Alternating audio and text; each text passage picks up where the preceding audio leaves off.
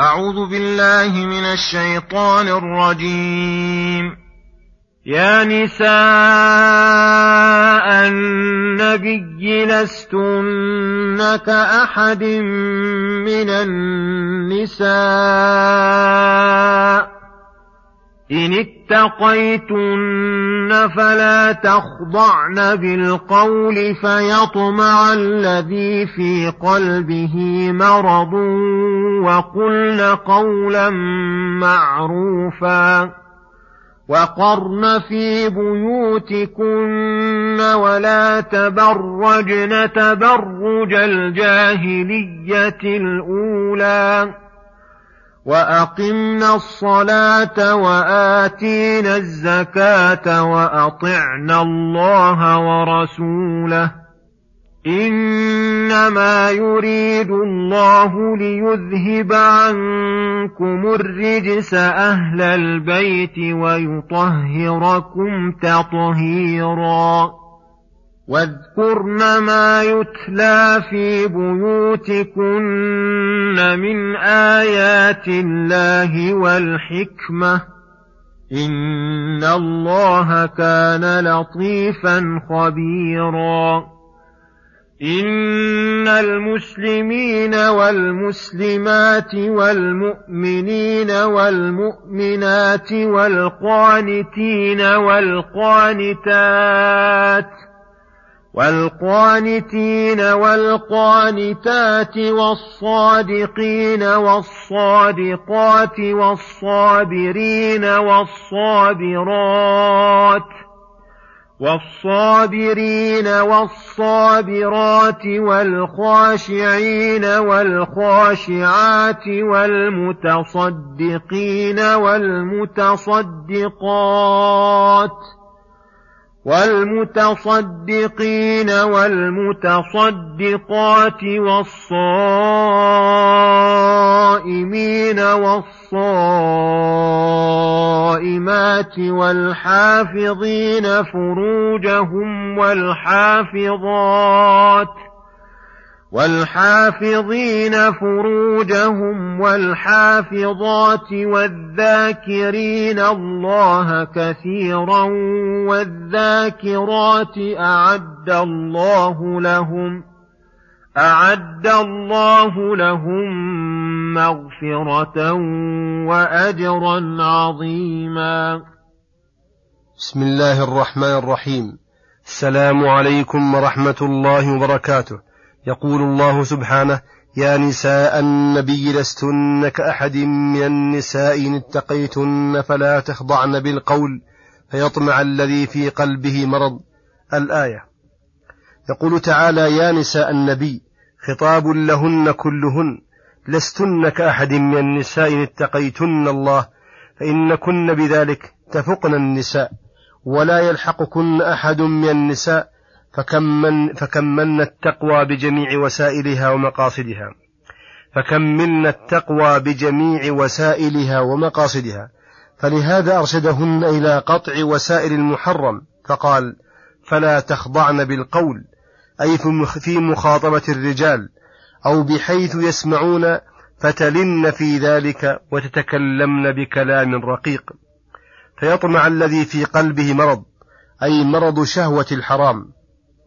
فإنه مستعد ينتظر أدنى محرك يحركه لأن قلبه غير صحيح فإن القلب الصحيح ليس فيه شهوة لما حرم الله فإن ذلك لا تكاد تميله ولا تحركه الأسباب لصحة قلبه وسلامته من المرض. بخلاف مريض القلب الذي لا يتحمل ما يتحمل الصحيح ولا يصبر على ما يصبر عليه فأدنى سبب يوجد ويدعوه إلى الحرام يجيب دعوته ولا يتعاصى عليه.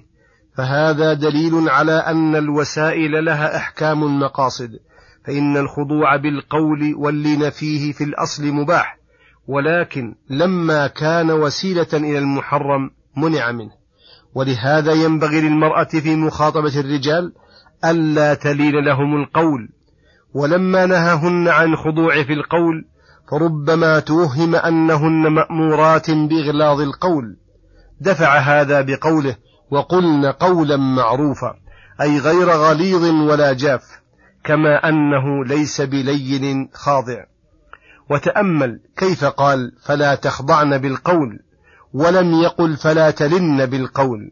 وذلك لأن المنهي عنه القول اللين الذي فيه خضوع المرأة الرجل وانكسارها عنده والخاضع هو الذي يطمع فيه بخلاف من تكلم كلاما لينا ليس فيه خضوع بل ربما صار فيه ترفع وقهر للخصم فإن هذا لا يطمع فيه خصمه. ولهذا مدح الله رسوله باللين فقال فبما رحمة من الله لنت لهم وقال لموسى وهارون اذهبا إلى فرعون إنه طغى فقولا له قولا لينا لعله يتذكر أو يخشى.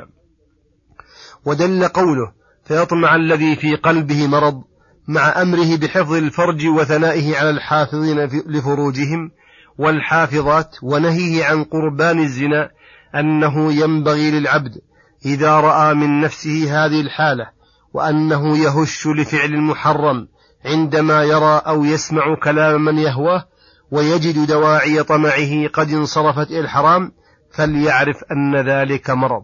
فليجتهد في إضعاف هذا المرض وحسم الخواطر الردية ومجاهدة نفسه على سلامتها من هذا المرض الخطر.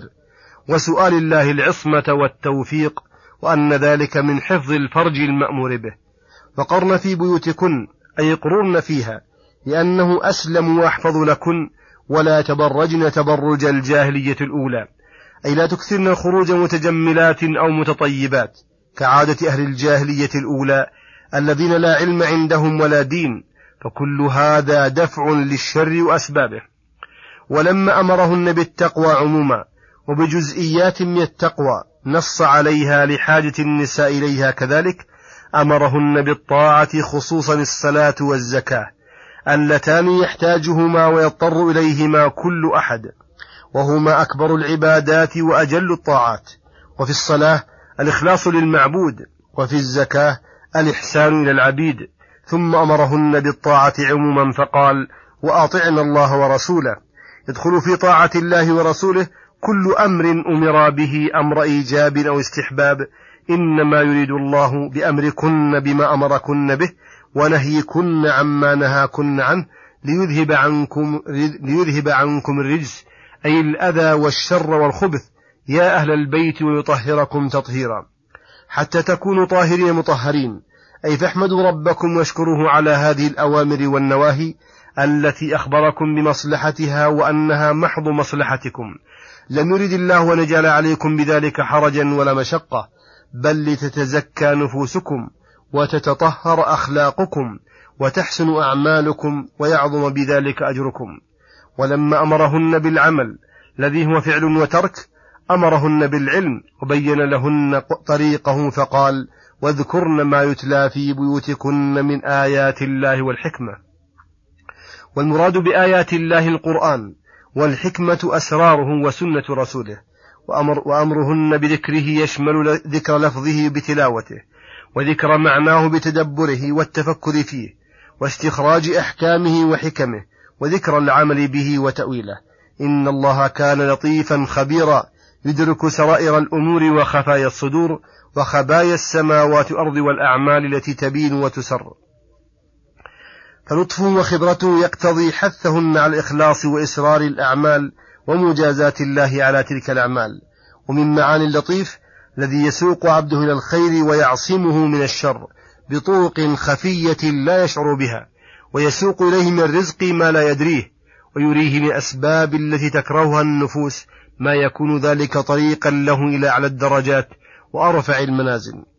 ثم لما ذكر تعالى ثواب زوجات الرسول صلى الله عليه وسلم وعقابهن لو قدر عدم الامتثال وأنه ليس مثلهن أحد من النساء ذكر بقية النساء ذكر بقية النساء غيرهن ولما كان حكمهن وحكم الرجال واحد جعل الحكم مشتركا فقال إن المسلمين والمسلمات وهذا في الشرائع الظاهرة إذا كانوا قائمين بها والمؤمنين والمؤمنات وهذا في الأمور الباطنة من عقائد القلب وأعماله والقانتين أي المطيعين لله ولرسوله والقانت والقانتات والصادقين في مقالهم وفعالهم والصادقات والصابرين على الشدائد والمصائب والصابرات والخاشعين في جميع أحوالهم خصوصا في عباداتهم ولا سيما في صلواتهم والخاشعات والمتصدقين فرضا ونفلا والمتصدقات والصائمين والصائمات شمل ذلك الفرض والنفل والحافظين فروجهم عن الزنا ومقدماته والحافظات والذاكرين الله كثيرا أي في أكثر الأوقات خصوصا أوقات الأوراد المقيدة كالصباح والمساء أو بالصلوات المكتوبات والذاكرات. أعد الله لهم أي لهؤلاء الموصوفين بتلك الصفات الجميلة والمناقب الجليلة التي هي ما بين اعتقادات وأعمال قلوب وأعمال جوارح وأقوال لسان ونفع متعد وقاصر وما بين أفعال الخير وترك الشر الذي من قام بهن فقد قام بالدين كله ظاهره وباطنه بالإسلام والإيمان والإحسان فجازاهم على عملهم مغفرة لذنوبهم لأن الحسنات يذهبن السيئات وأجرا عظيما لا يقدر قدر لا يقدر قدره إلا الذي أعطاه مما لا عين رأت ولا أذن سمعت ولا خطر على قلب بشر نسأل الله أن يجعلنا منهم. وصلى الله وسلم على نبي محمد وعلى آله وصحبه أجمعين. وإلى الحلقة القادمة غدا إن شاء الله. والسلام عليكم ورحمة الله وبركاته.